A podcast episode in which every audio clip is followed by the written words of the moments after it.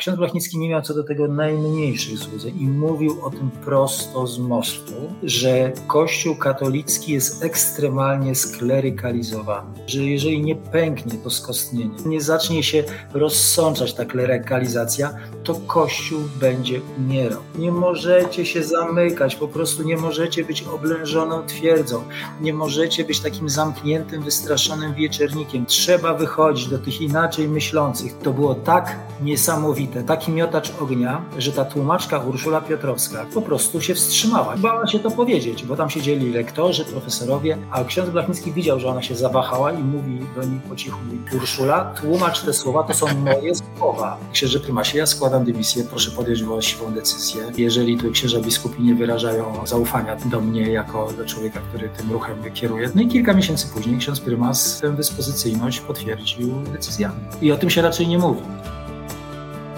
Rozmowy siewcy. Wychowanie, wiara, edukacja, rodzina. Zaprasza Jarosław Kumor. Witajcie kochani, miło mi Was gościć w kolejnej rozmowie siewcy jako słuchaczy, a jako gości moich rozmówców dzisiaj goszczę Małgorzatę i Marka Nowickich. Małgorzata jest misjologiem, Marek historykiem, dziennikarzem, są małżeństwem od 29 lat, rodzicami jednego syna, zaangażowani w odnowę w Duchu Świętym. Autorzy książek upili się młodym winem i tamten dzień jest jeden, jeden wspólny mianownik obu pozycji, znaczy pierwszy wspólny mianownik obu pozycji to historia odnowy w Duchu Świętym, ale e, jest jeszcze jeden wspólny mianownik, który ja wyciągam na potrzeby naszej dzisiejszej rozmowy. To postać księdza Franciszka Blachnickiego. Witajcie, kochani. Dzień dobry. Ta rozmowa e, jest też częścią naszej serii, e, serii wakacyjnej wakacje ze świętymi. Tutaj świętych bierzemy e, bardzo często w pewien cudzysłów. Ksiądz Franciszek Blechnicki to czcigodny sługa Boży Kościoła katolickiego. E, bardzo bliska postać Wam. Powiedzcie proszę może na początek, jak poznaliście księdza Franciszka, jak on też wpłynął na Wasze życie, Wasze małżeństwo, rodzinę. Ja poznałam księdza Franciszka nawet osobiście. Kilka dni, kilka dni przed jego wylotem tuż przed stanem wojennym do, za granicę, kiedy odwiedził moją uczelnię na chwilę i, i, i wtedy, wtedy, wtedy zobaczyłam, zobaczyłam go. Miałam, miałam też to szczęście, że w tamtym czasie byłam w bardzo dobrej wspólnocie, czy w dobrych miejscach w ogóle, e, w których to, by, to były miejsca e, ruchu Światło-Życie, wspólnota ruchu Światło-Życie, gdzie e, po prostu osoby, które wtedy nam, nas animowały, były czy moderowały, były zafascynowane właśnie założycielem ojcem Franciszkiem i, i jakby tę ekspresję, najpierw ekspresję, zakochanie jego e, w Panu Bogu, e, taką e, naturalność, zwyczajność, ale też i taki maksymalizm chrześcijański w dobrym tego słowa znaczeniu nam przekazywały. I ten zachwyt, odkrycie na nowo w Kościele Ducha Świętego. I ja wtedy pokochałam Ducha Świętego i e, Duch Święty ma wpływ na moje życie e, do tej pory i jakoś jest niezwykle bliski, ale w tym wszystkim jakby po, początkiem był ojciec Franciszek Blachnicki. Mhm, w pewnym y, skrócie, tak sądzę, ale to y, wielki przywilej. Myślę też móc spotkać osobiście y, księdza Franciszka Blachnickiego. Marku, czy rozumiem, że y, ty nie miałeś aż tak dużego przywileju, ale powiedz też, jak, jak z twojej strony ta, ta, ta postać jakoś na ciebie też e, wpływa? No ja e, zetknąłem się też z ruchem Światło Życie, e, będąc w szkole średniej i mm, no, trafiłem do wspólnoty oazowej w Warszawie. która miała ten rys charyzmatyczny. I osobiście nigdy nie miałem okazji mm, zetknąć się z, z księdzem Blachnickim, bo on, wtedy, kiedy ja już się stykałem z ruchem światożyciela, on był za granicą, ale jeszcze żył.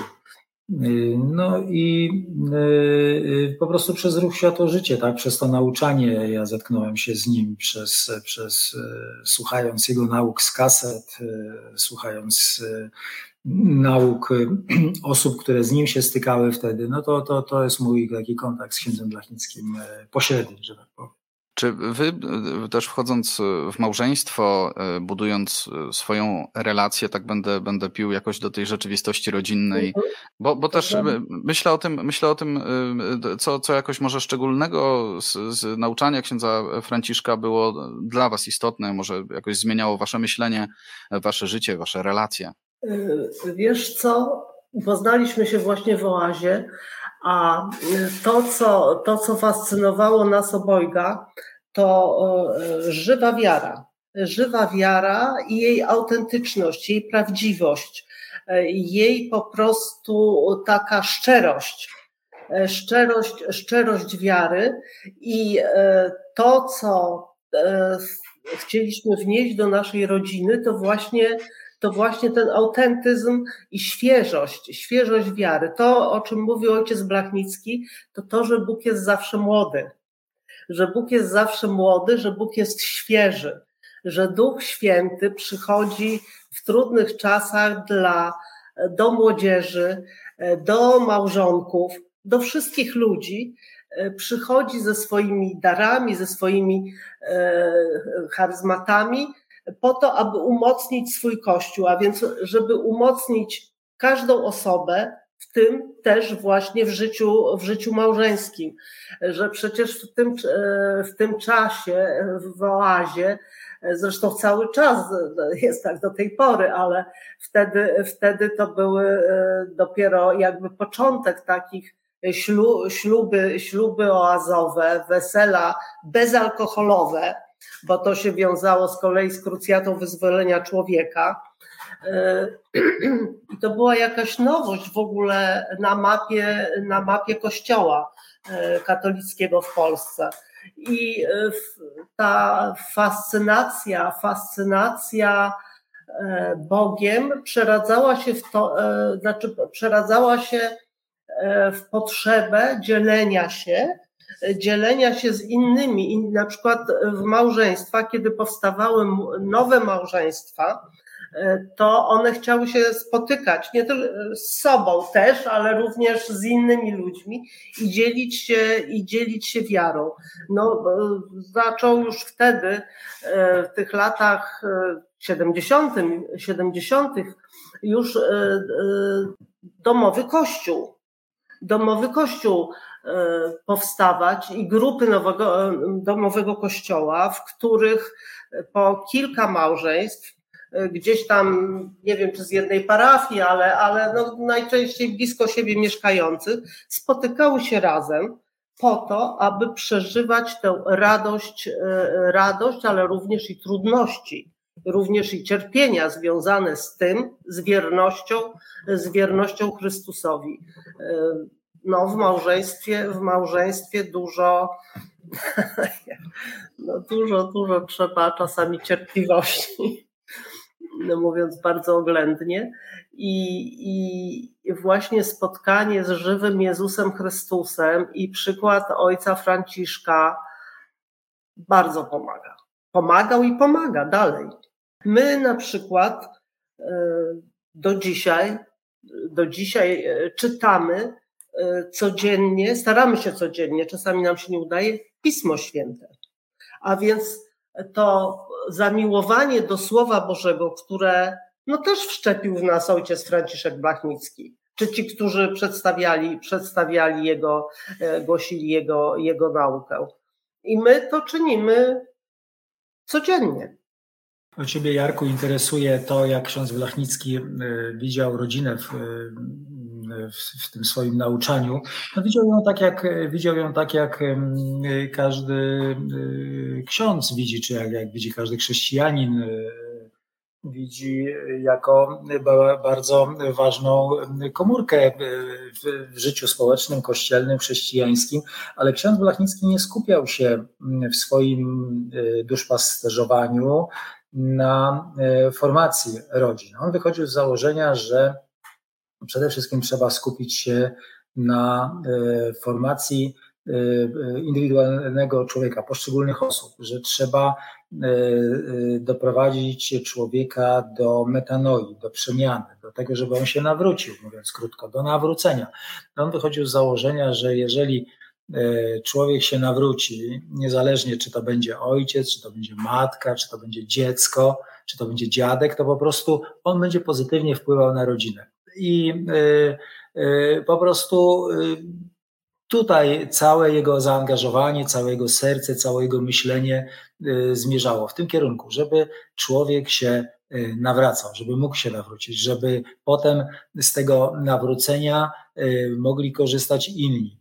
No i to oczywiście rzeczywiście oddziaływuje na rodzinę. No, bywały takie sytuacje w całej historii ruchu oazowego, że nawrócenie rodziców powodowało nawrócenie dzieci, albo nawrócenie e, żony powodowało nawrócenie męża. Albo nawrócenie dzieci powodowało, dzieci powodowało nawrócenie, nawrócenie rodziców. rodziców. Takie przypadki bywały w latach 70., kiedy e, odnotowywane były e, wylania Ducha Świętego na młodzież oazową w Murzasichlu. W mojej rodzinie tak było właśnie. Że młodzież przeżywała wylania Ducha Świętego tam 75, rok 76 w trakcie rekolekcji wakacyjnych oazowych, a potem dwa, trzy lata później na te same rekolekcje pod wpływem właśnie y, żarli, żarliwego świadectwa swoich dzieci wyjeżdżali na te rekolekcje rodzice i też doświadczali wylania Ducha Świętego. Także y, y, to jest wizja księdza Blachnickiego. Doprowadzić człowieka do nawrócenia i dzięki temu, że człowiek będzie nawrócony, będą nawracać się inni, będzie szedł ten ogień po ściernisku, będzie szedł ten płomień i wszystko będzie e, budowane w sposób właściwy. Na nogach, nie na głowie. Jeżeli będą nawróceni członkowie rodziny, będzie nawrócona matka, ojciec, to, to, to dzieci będą czerpać żywą wiarę od nich. Nie będzie to puste słowo, tylko będzie to słowo życia no i wtedy ta rodzina będzie y, Bogiem silna. Ojciec Franciszek stwarzał taką przestrzeń. Przestrzeń do tego, żeby mieć obszar, w którym y, y, było miejsce na, na nawrócenie. Dawał, dawał taką możliwość poprzez oazy i różne inne formacyjne procesy, żeby można było spotkać właśnie Boga, żeby można było przejść metanoję, ale taką, tak głęboką, tak naprawdę od środka, od wewnątrz i co ważne, e, poprzez e, program e, oazowy dawał możliwość wzrostu. Ta rzeczywistość charyzmatyczna nam tutaj e, pobrzmiewa. E, między innymi używaliście, użyliście tego stwierdzenia wylanie Ducha Świętego. Dla części naszych słuchaczy to może być taka rzeczywistość dość tajemnicza. Wy o księdzu Franciszku Blachnickim też e, dużo wiecie i dużo pisaliście w kontekście właśnie odnowy w Duchu Świętym i odnowy charyzmatycznej, myślę mówiąc bardziej pewnie ogólnie w tym przypadku. Może przybliżcie trochę właśnie tę rzeczywistość, też waszego wchodzenia w to, bo ja sam ze swojego doświadczenia trochę też pamiętam przejście z pewnego takiego schematu parafialnego, tak to nazwę, takiego bycia gdzieś tam ministrantem i takiego, takiego życia e, parafialnego, który, które jest po prostu skupione wokół e, mszy świętej, wokół pewnych takich schematów działania, praktykowania swojej wiary, do rzeczywistości charyzmatycznej, gdzie pojawiają się właśnie e, charyzmaty, gdzie pojawia się modlitwa Słowem Bożym, gdzie pojawiają się pewne glosolalia. O tym powiedzmy, jak to było u Was? Czy też mieliście tego typu przejście i ksiądz Franciszek Blachnicki w swojej otwartości na, na rzeczywistość charyzmatyczną też tutaj Wam towarzyszył jakoś? Wiesz co, to najpierw Jarku zwrócę uwagę na to, że dokonałeś e, takiego porównania. Przejście z rzeczywistości parafialnej do, do żywego słowa. To, to, to powiedzmy moje doświadczenie pewne, natomiast ja tak, sobie zdaję to, sprawę, że to się przenika to, bardzo. Doświadczenie, nie? To doświadczenie jest y, bardzo powszechne, tak? No, y, generalnie jest to doświadczenie dramatyczne, to znaczy jakiejś dychotomii, jakiegoś, jakiejś jakichś dwóch światów. E, jest to dramatyczne, bo rzeczywiście, e, tak jak słusznie zauważasz, to się przenika. W tej chwili e, kończymy przygotowywać film pod tytułem Suenens 83. Jest to film, w którym przybliżymy widzom katechezę kardynała Leona Suenensa sprzed 40 lat, którą wygłosił podczas pierwszego kongresu odnowy w Duchu Świętym na Jasnej Górze. E, I on tam powiedział rzecz oczywistą, ale która nie jest niestety, i to jest dramatyczne, oczywista dla e, katolików e, do dzisiaj. I, i, i tu też zwróciłem uwagę, że powiedziałeś, że, że będziemy rozmawiać o rzeczywistości charyzmatycznej, która może nie jest dla widzów, dla słuchaczy Twoich znana. To kim są ci twoi słuchacze? Jeżeli to są katolicy i nie jest ona znana dla katolików, to to jest dramat. Bo właśnie y, y, zgodnie z nauczaniem Kościoła katolickiego, wszyscy katolicy są charyzmatykami. Wszyscy jesteśmy charyzmatykami. I tylko jest kwestia tego, żeby te charyzmaty w sobie odkurzyć, odnaleźć, jeżeli one są gdzieś tam zasypane, bo my je y, po prostu dostajemy taką paczkę darów y, duchowych y, w chrzcie, w sakramencie chrztu, a potem jeszcze sakrament bierzmowania nam pozwala z tych darów szerzej korzystać. No ale oczywiście, jeżeli człowiek nie otworzy się sercem na te dary, no to po prostu nic z tego nie ma. Czasami ludzie mówią o sobie, ja jestem chrześcijaninem, ale nie jestem charyzmatykiem to, to równie dobrze można byłoby powiedzieć coś bardzo absurdalnego, że ja jestem chrześcijaninem, ale nie jestem ochrzczony. To, to się po prostu rzeczywiście przenika. Nam jest wygodnie, myślę, jako katolikom, jako też y, po prostu katolikom żyjącym y, w rodzinach, y, przekazującym wiarę naszym dzieciom w pewnych, jest nam wygodnie w pewnych podziałach, które jakoś sztucznie, myślę, też sobie wytwarzamy. Ci są bardziej, tu, są charyzmatycy po tej stronie, po tej stronie są, nie wiem, tradycjonaliści, są jeszcze jakieś inne różne odcienie i teraz mamy, mamy takie wyspy. Nie? Jest to oczywiście droga donikąd. To jest, ja myślę, że to, o czym mówisz, to też jest kwestia dobrego rozumienia charyzmatów, zerwania z pewnymi stereotypami, nie? że rzeczywistość, rzeczywistość charyzmatów to jest jakaś kościelna magia. A, a, a tutaj w parafii, gdzie mamy księdza proboszcza, naszego znanego od 50 lat, czy może przesadzam 30, to jest nasz zdrowy, normalny katolicyzm. Nie?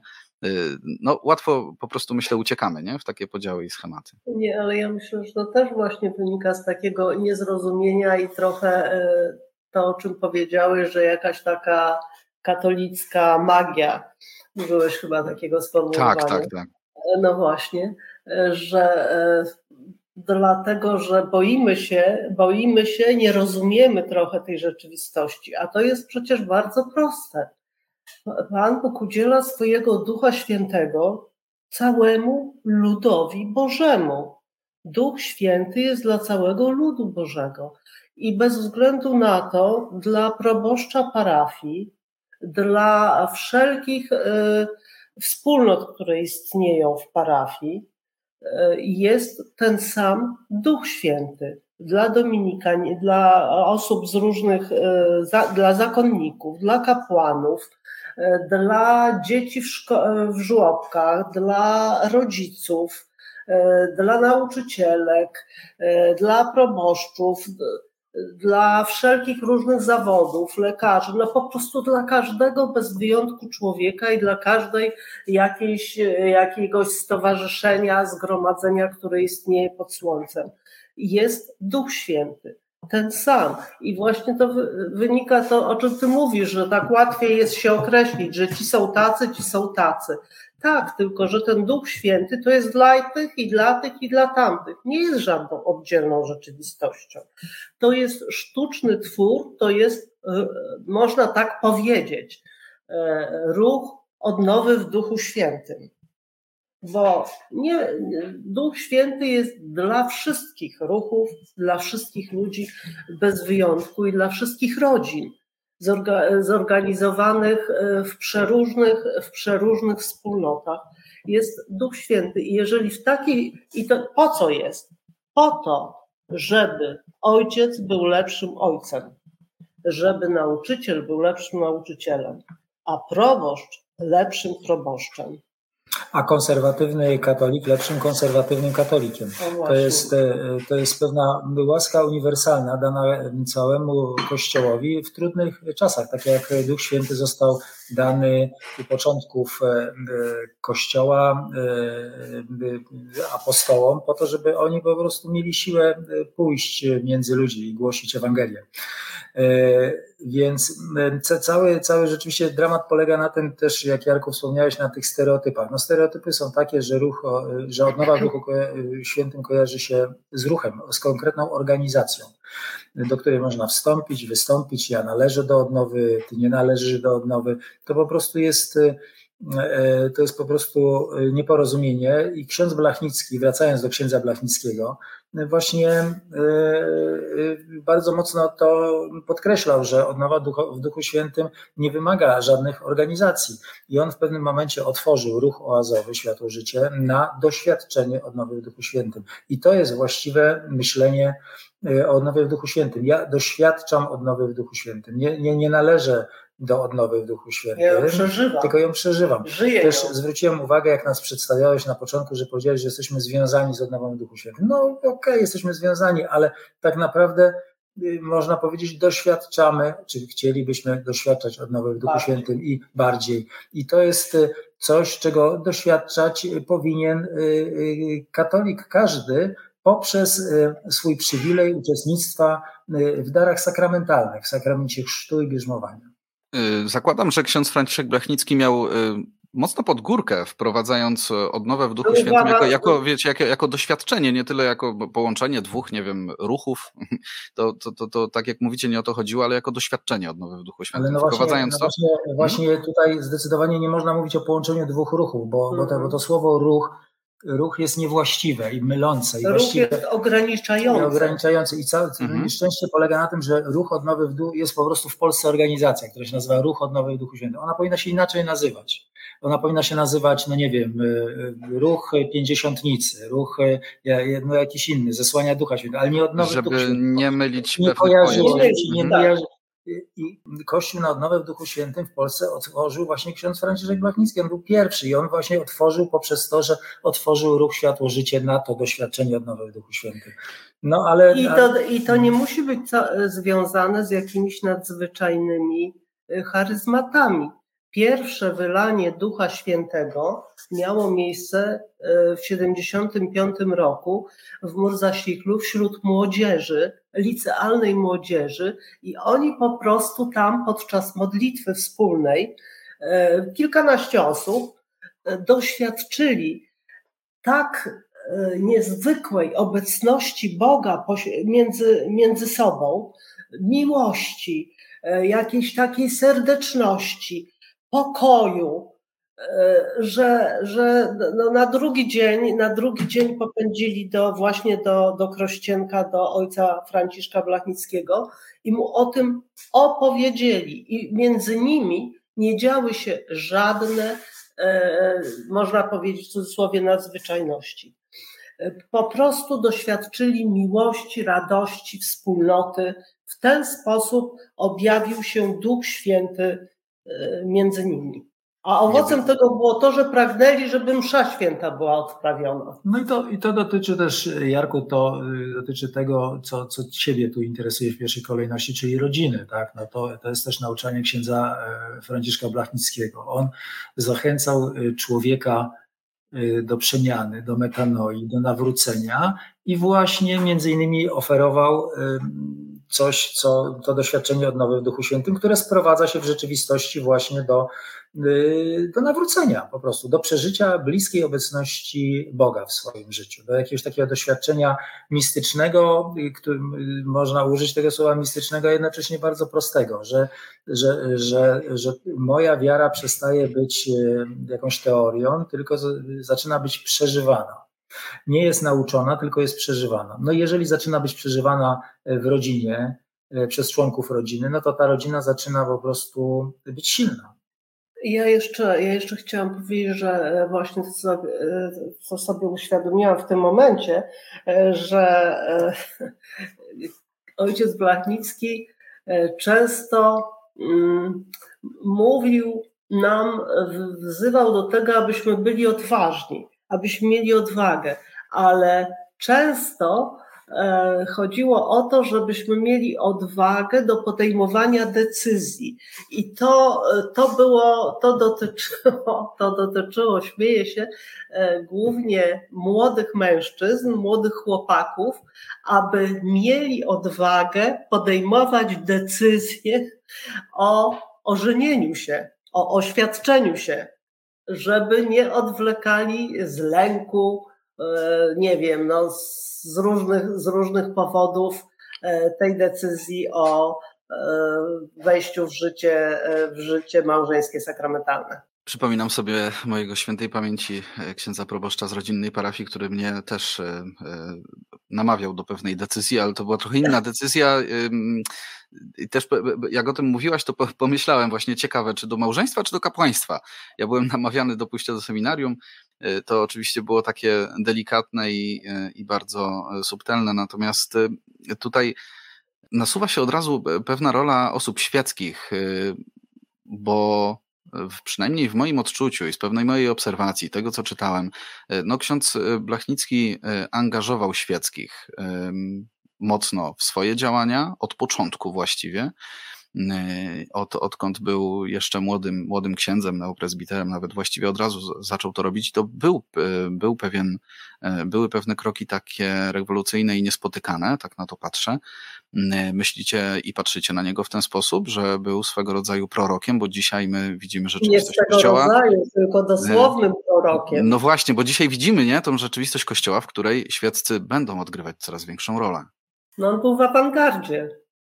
Zdecydowanie, że, że ciągle, ciągle jego droga prowadziła w górę strumienia, że porównam do, do, do źródła Jana Pawła II do, do wiersza, e, to, to, to właśnie to angażowanie świeckich, e, to upodmiotowienie świeckich w ogóle, pokazanie, pokazanie, że mają naprawdę wielkie miejsce w kościele. I e, ojciec Franciszek e, miał taki zwyczaj, że dość szybko ludzi obdarzał e, jakimiś zadaniami, właśnie ludzi świeckich. Powierzał im naprawdę ważne zadania do wykonania. Marek, możesz tam powiedzieć dokładniej.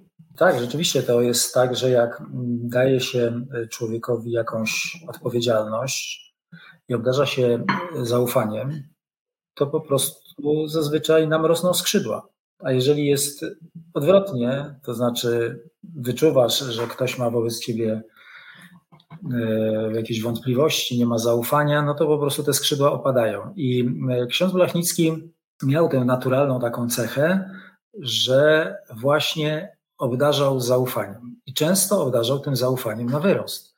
To znaczy bywało tak, że przychodzili, do, bo ludzie do niego lgnęli.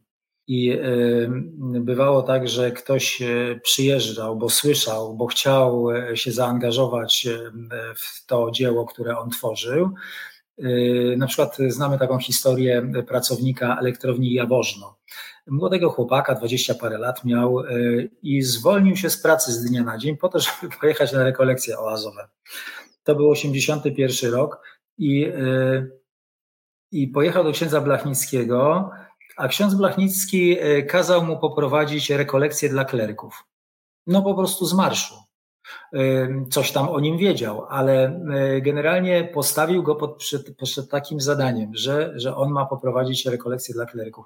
I po prostu ten młody mężczyzna stanął przed ogromnym zadaniem poprowadzenia tych rekolekcji i, e, i, I on poprowadził bardzo dobrze te rekolekcje, dlatego, że ksiądz Blachnicki mu zaufał. On czuł brzemię odpowiedzialności e, za, za to zadanie. I bardzo często tak było, że e, bardzo często stykaliśmy się w czasie naszej dokumentacji do, do książki Upili się młodym winem, że ludzie opowiadali, przyjeżdżałem na rekolekcję do księdza Blachnickiego i z dnia na dzień na przykład jeżeli już, to bo to jest ekstremalny przypadek, że komuś kazał poprowadzić całe rekolekcje, ale że zostawałem animatorem na przykład, albo ktoś był uczestnikiem na, na, na, na rekolekcjach w pierwszym turnusie, a w drugim turnusie już był animatorem, bo tych animatorów było, bo, bo, bo, było tych, bo było tych animatorów za mało. Więc y, po prostu on dodawał świeckim skrzydeł, stwarzał im pewną płaszczyznę, pewien obszar do działania, zdając sobie sprawę. Ksiądz Blachnicki nie miał co do tego najmniejszych złudzeń i mówił o tym prosto z mostu, że Kościół katolicki jest ekstremalnie sklerykalizowany że jest skostniały i że po prostu, jeżeli nie zmieni się, że jeżeli nie pęknie te, to skostnienie, nie, nie, nie zacznie się rozsączać ta klerykalizacja, to Kościół będzie umierał. Trzeba trzeba i, i, i, powiedział, że nie możecie się, mówił to bardzo mocno, proroczo, nie możecie się zamykać, po prostu nie możecie być oblężoną twierdzą, nie możecie być takim zamkniętym, wystraszonym wieczernikiem. Trzeba wychodzić do świata, do tych ludzi, którzy was prześladują, którzy was oceniają. Trzeba wychodzić do tych inaczej myślących. To jest podstawowe, podstawowe przesłanie księdza Blachnickiego i stąd ten Duch Święty w tym wieczerniku mówi, przyjmijcie tego Ducha Świętego, to będziecie mieć siłę, żeby wychodzić do I tych odwagę. innych ludzi. I jeżeli nie zaczniecie ewangelizować, to po prostu Kościół obumrze. To jest jedno z największych przesłań księdza Blachnickiego. Jeżeli nie zaczniecie ewangelizować, to Kościół obumrze. I jak była premiera drugiego tomu naszej książki u księdza kardynała Nycza dwa lata temu, to ksiądz kardynał właśnie wyszedł i powiedział to jako świadectwo osobiste, kiedy on był klerykiem w latach 70., czy młodym kapłanem, chyba klerykiem wtedy jeszcze. To, to, to właśnie miał z księdzem Blachnickim jakieś zajęcia na kulu bodajże. I, i, i właśnie to dokładnie mówi to kardynał Nycz potwierdza. Jeżeli nie, nie zaczniecie ewangelizować, to, to Kościół obumrze. Jest takie niesamowite świadectwo tłumaczki Urszuli Piotrowskiej z 84 roku y, z Irlandii. Wtedy ksiądz Blachnicki był w największym seminarium irlandzkim w Dublinie i przemawiał do tłumu kleryków. To był rozwój kościoła niesamowity wtedy w Irlandii. Seminaria pękały w szwiach, kościoły były pełne, a ksiądz Blachnicki stanął przed, tymi, przed tym pełnym seminarium y, i powiedział tak, jeżeli nie zaczniecie Ewangelii, wasz kościół jest skostniały i sklerykalizowany. Jeżeli nie zaczniecie się zmieniać, jeżeli się nie zaczniecie nawracać, jeżeli nie zaczniecie ewangelizować, to za 30-40 lat nie będzie tego kościoła. I to było tak niesamowite, tak mocne, tak porażające, taki miotacz ognia, że ta tłumaczka Urszula Piotrowska, która to miała tłumaczyć z polskiego na angielski, po prostu się wstrzymała, nie chciała tego, bała się to powiedzieć, bo tam siedzieli lektorzy, profesorowie, a ona jeszcze w dodatku była protestantką i ona tak myślała, kurczę, co ten ksiądz Blachnicki takie rzeczy mówi. A ksiądz Blachnicki widział, że ona się zawahała i mówi do niej po cichu, mówi, tu, Urszula, tłumacz te słowa, to są moje słowa.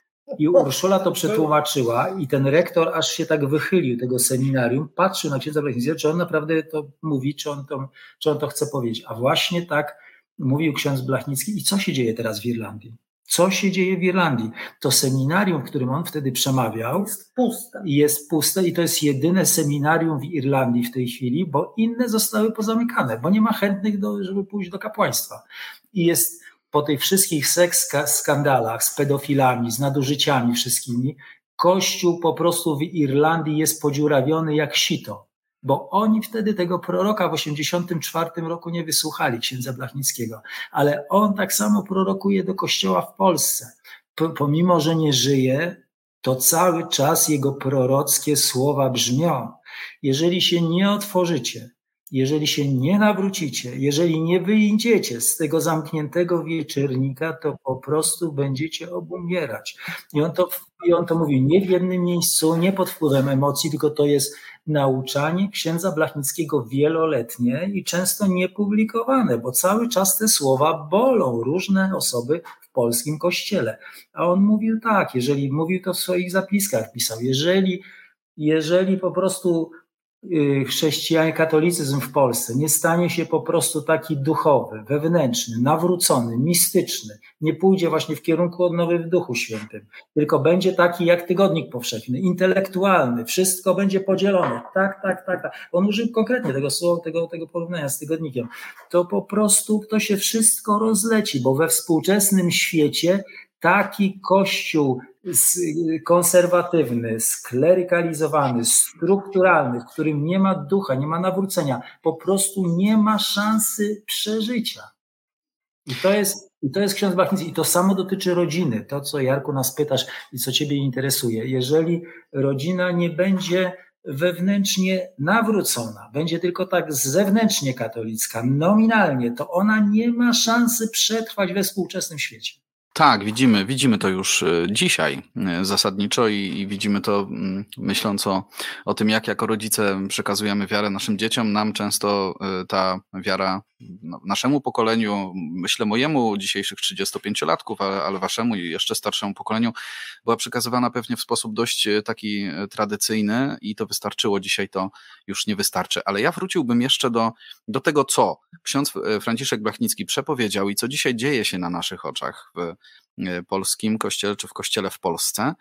Mm, e, wiecie, no, my mierzymy się, mierzymy się dzisiaj z e, szeregiem skandali pedofilskich i da się słyszeć takie głosy, które mówią nie, nie atakujmy kościoła przez to, że my będziemy rozliczać i tak dalej, nie? W sensie w tak oczywistej sprawie zdarzają się głosy przeciwne temu, żeby to było przejrzyste, jasne i klarowne i żeby i żeby Kościół był, e, jako instytucja, był z tego rozliczony. To co dopiero musiało się dziać w latach 70., kiedy ksiądz Franciszek właśnie e, nie tylko w Irlandii, ale, ale w Polsce przede wszystkim e, używał takich słów. Jesteśmy kościołem skostniałym, sklerykalizowanym i tak dalej, i tak dalej.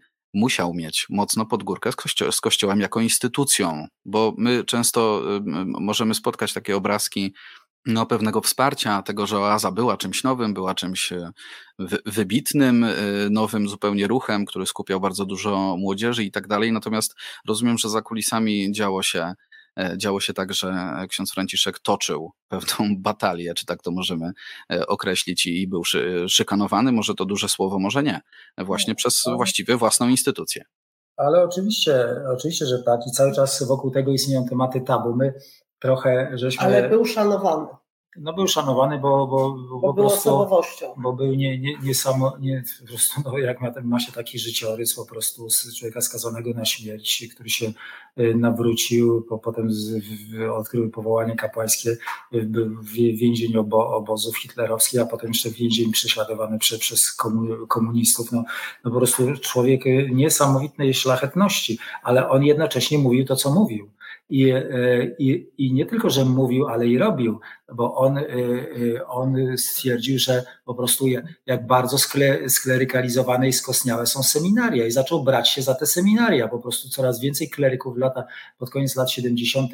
przeżywało rekolekcje oazowe, nawracało się i ci klerycy zaczęli tworzyć, zaczęli się spotykać między sobą, między seminariami, zaczęli tworzyć grupy kleryckie, takie niezależne w ogóle od rektorów w seminariach. No i na to już biskupi nie mogli, nie chcieli pozwolić. Było oburzenie w, w episkopacie, że e, no, no tak, no e, i było dosyć duże oburzenie i, i, to, i to, to jest jeden z największych konfliktów między biskupami a księdzem Blachnickim, że właśnie no, zaczął mieć zbyt duży wpływ na seminaria i na kleryków.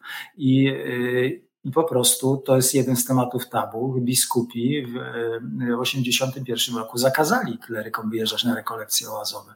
W 1981 roku już prawie, e, prawie w ogóle klerycy nie wyjechali. A kiedy ksiądz Blachnicki znalazł się za granicą w 1981 roku, jak wybuchł stan wojenny, to, to został za tą granicą nie dlatego, że nie mógł wrócić czy nie chciał, tylko dlatego, że poprosił go żeby, o to, żeby tam został za granicą prymas Józef Glemp. Poprosił go po prostu o to. Oczywiście tych powodów żeby no ksiądz Blachnicki, ksiądz Blachnicki, żeby został, został za granicą, bo tych powodów było wiele, bo, bo, bo rzeczywiście ksiądz Blachnicki też wypowiadał się bardzo mocno antykomunistycznie już od razu od pierwszych dni stanu wojennego i, i, i było wiadomo, że jak wróci, to to, to po prostu będą niepokoje y, polityczne takie w Polsce z tego powodu, że, że on wraca i, i, i rzeczywiście tutaj mogło dojść do napięć między władzą a kościołem. Być może ksiądz Blachnicki mógłby być aresztowany w ogóle, no w pewnym momencie przecież y, list gończy za nim rozesłano.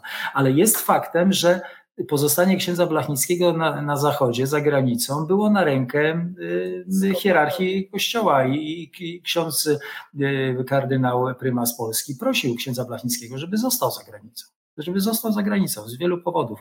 Y, I ksiądz, a ksiądz Blachnicki był na to, bo był do tego wszystkiego bardzo pokornym człowiekiem i jak doszło do tego przesilenia z klerykami w 1981 roku, jeszcze przed stanem wojennym, to ksiądz Blachnicki w ogóle złożył dymisję. Poszedł do księdza, to już było po śmierci e, księdza e, prymasa Wyszyńskiego e, i jest taki list, zachował się z 1 sierpnia 81 roku księdza Blachnickiego do księdza prymasa Glempa. Księże prymasie, ja składam dymisję, proszę, proszę podjąć właściwą decyzję. Jeżeli tu księża biskupi nie wyrażają zaufania do, do mnie jako, jako do człowieka, który tym ruchem kieruje, to proszę proszę mnie odwołać. Ja jestem, pozostaję do dyspozycji księdza prymasa. No i kilka miesięcy później ksiądz prymas y, tę dyspozycyjność potwierdził decyzjami. I o tym się raczej nie mówi. Nie, nie, nie, nie, nie usłyszysz, Jarku, tego jakoś gdzieś w jakichś katechezach. No my żeśmy o tym napisali w tej naszej książce Upili się młodym winem, no bo trzeba mówić prawdę, prawda, bo prawda się wyzwoli. I, i, i napięcia między i to jest jakby też y, y, taki mamy y, słodko-gorzki smak, jak widzimy, że ksiądz Blachnicki jest przygotowywany do wyniesienia na ołtarze, a jednocześnie jego nauczanie nie jest w Polsce dobrze znane. Jego tak, to jego większość, jego większość katechez, katechez zgłoszonych, spisanych jest do tej pory nieopublikowana. I to takich, takich bardzo, bardzo mocnych, takich na przykład, on napisał taki tekst, w 1981 roku, że ruch Światożycie jest ruchem ekumenicznym. No to przyjrzyjmy się ruchowi Światożycie, czy dzisiaj ruch Światożycie jest ruchem ekumenicznym. Ile zostało z nauczania księdza Blachnickiego? No przecież została zlikwidowana. Ksiądz Blachnicki jest założycielem pierwszej w Polsce, jednej z pierwszych na świecie szkół ewangelizacyjnych. Ale to była szkoła, szkoła ekumeniczna. Ta szkoła, jak tylko wyjechał za granicę, to ta szkoła została zlikwidowana w Polsce przecież. I o tym się nie mówi. To my dopiero żeśmy to opisali w tej naszej książce, że w ogóle ksiądz Blachnicki Szkoły Ewangelizacji. Temat tabu przez 40 lat. W tym roku spotkaliśmy się z y, członkami tej szkoły. Tak, i z człowiekiem, pierwszej, który, który ją prowadzi. I, i, z, protest, i z protestantem Larry Thompsonem, który przyjechał teraz w maju, był, był w Polsce. Słyszałeś o tym, że Larry Thompson przyjechał do Polski? Tak, tak, słyszałem o tym, widziałem, widziałem też w waszych mediach społecznościowych informacje. No właśnie, no to bardzo hmm. ważna postać w historii. Larry Thompson jako człowiek związany z ruchem Campus Crusade for Christ, tak zwanym ruchem Agape, w Polsce znany jako Agape, no, wspierał księdza Blachnickiego do, do końca, aż do jego śmierci, do 87 roku. Oni żyli w wielkiej przyjaźni. Finansowo też Agape wspierało bardzo księdza Blachnickiego, nie, tylko, tam, nie tylko w Polsce, ale i w Karlsbergu. No, ale jak decyzje zapadły, że szkołę ewangelizacji trzeba likwidować, no to została zlikwidowana. No i pokornie, pokornie to zostało przyjęte i przez księdza Blachnickiego i Larry'ego Thompsona, no bo, no, bo, no bo cóż, oni się nie chcieli buntować. Tak? Mam y, do Was pytanie właściwie y, na podsumowanie i też y, pewien powrót do tematu rodziny, myślę, na koniec. E, czyli dzisiejszy e, ruch Światło Życie. Trochę nawiązywaliście do tego, co dzisiaj zostało z nauczania księdza Franciszka Blachnickiego w dzisiejszym ruchu Światło Życie, w dzisiejszej e, oazie rodzin. No właśnie, co zostało, a co jest jakoś pomijane czy zaniedbane, kiedy patrzymy dzisiaj na tą gałąź rodzinną przede wszystkim ruchu Światło Życia, co by się naprawdę przydało z nauczania księdza Brachnickiego, żeby ono dzisiaj było wprowadzane w życie? Najpierw, najpierw powiem o tym, że e, w ostatnich latach e, nastąpił niezwykły rozwój, wręcz e, wybuch wspólnot domowego kościoła.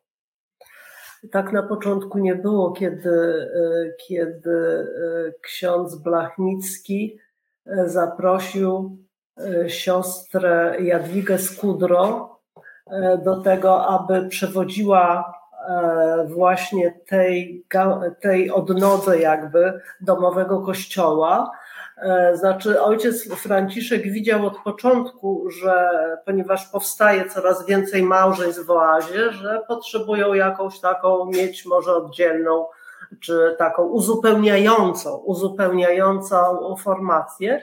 I ponieważ był tak niezwykle otwarty i przyglądał się pracy różnym innym wspólnotom i ruchom, to e, zatrzymał swój wzrok na ekipach Notre Dame francuskich.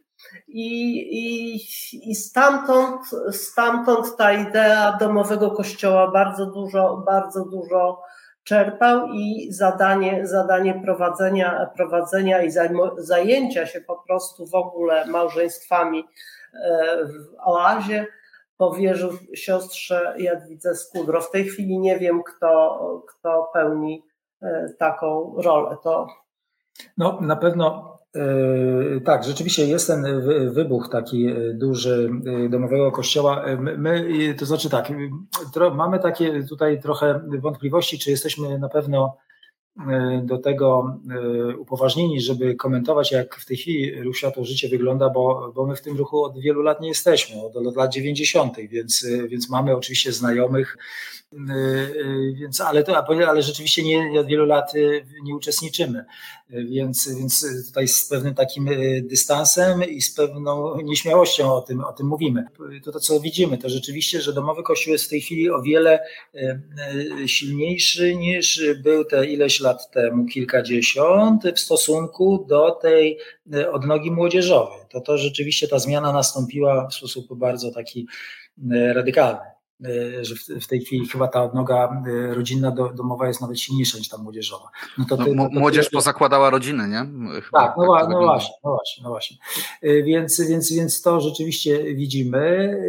No i jak, jak pytasz, co tutaj, no to, no to, to tylko byśmy zachęcali, żeby i właśnie osoby, które należą do grup e, domowego kościoła i te, które są w, w tym nurcie młodzieżowym, no żeby po prostu otwierały się na to doświadczenie odnowy w Duchu Świętym. Do tego zachęca ksiądz Franciszek Blachnicki. To chyba jest koniec tak, i kropka. Tak, no. tak, tak. A żeby, a żeby otrzymać Ducha Świętego potrzeba naprawdę niewiele. Potrzeba tylko chcieć. I to, i to mówimy, to, to można powiedzieć, to jest takie oczywiste i banalne, ale właśnie nie, okazuje się, że nie, bo jak wydaliśmy nasz, naszą książkę, pierwszy tom naszej książki, pierwsze wydanie, w ogóle to już z 10 lat temu to było, to dla wielu osób to był szok, bo my wtedy pisaliśmy w ogóle, że ruch to życie ma coś wspólnego jest, z tak. odnową w Duchu Świętym.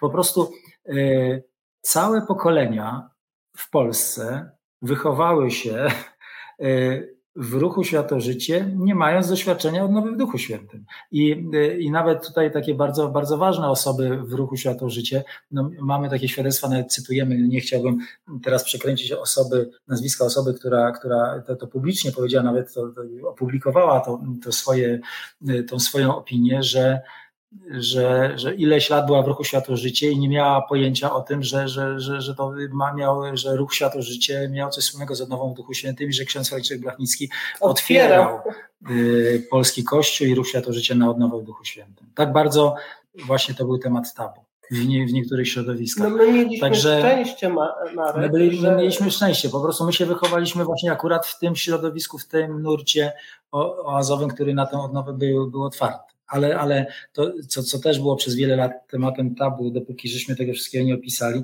no że po prostu ruch światło życie był podzielony, jak, jak niczym rów marsjański, po prostu y, ludzie po lewej, po prawej stronie i jedni byli zwolennikami odnowy, a drudzy przeciwnikami. Ksiądz, to już się działo za czasów księdza Blachnickiego. I ksiądz Blachnicki mówił, słuchajcie, takie, takie podziały, takie polaryzowanie to jest najgorsze, co się może przydarzyć. Odnowa jest dana wszystkim wszystkim. To, co właśnie też tutaj cytowaliśmy kardynała Suenesa. Ksiądz Blachnicki to doskonale widział. To jest nauka Soboru Watykańskiego II, to jest nauka Stolicy Apostolskiej. Nie ma zwolenników, przeciwników, nie ma charyzmatyków i niecharyzmatyków. Wszyscy jesteśmy charyzmatykami, bo wszyscy potrzebujemy wiary, nadziei i miłości. Wszyscy potrzebujemy Ducha Świętego.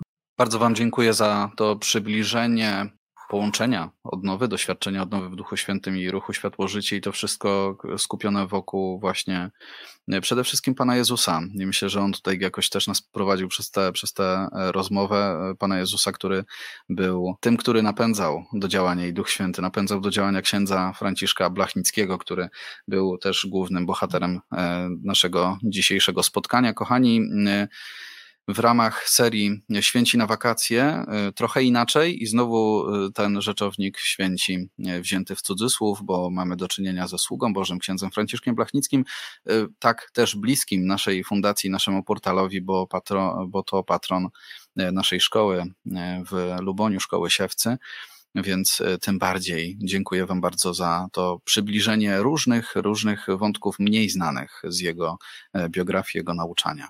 E, naszymi gośćmi byli Marek i Małgorzata Nowiccy. Jak słyszeliśmy, przyjaciele, duchowi przyjaciele księdza Franciszka Blachnickiego, autorzy książek o historii odnowy w Duchu Świętym w naszym kraju, również w kontekście ruchu Światło-Życie. Dziękuję Wam bardzo serdecznie za tę rozmowę. Dziękuję dziękujemy bardzo Tobie i dziękujemy Państwu za wysłuchanie nas. Pozdrawiamy kochani, do usłyszenia. Rozmowy Siewcy i inne nasze podcasty są dostępne na naszym portalu siewca.pl, na naszym kanale na YouTube oraz w serwisach podcastowych, m.in. Spotify i Apple Podcasts. Zapraszamy Cię do subskrybowania naszych treści, by niosły się one jak najszerzej. Do usłyszenia.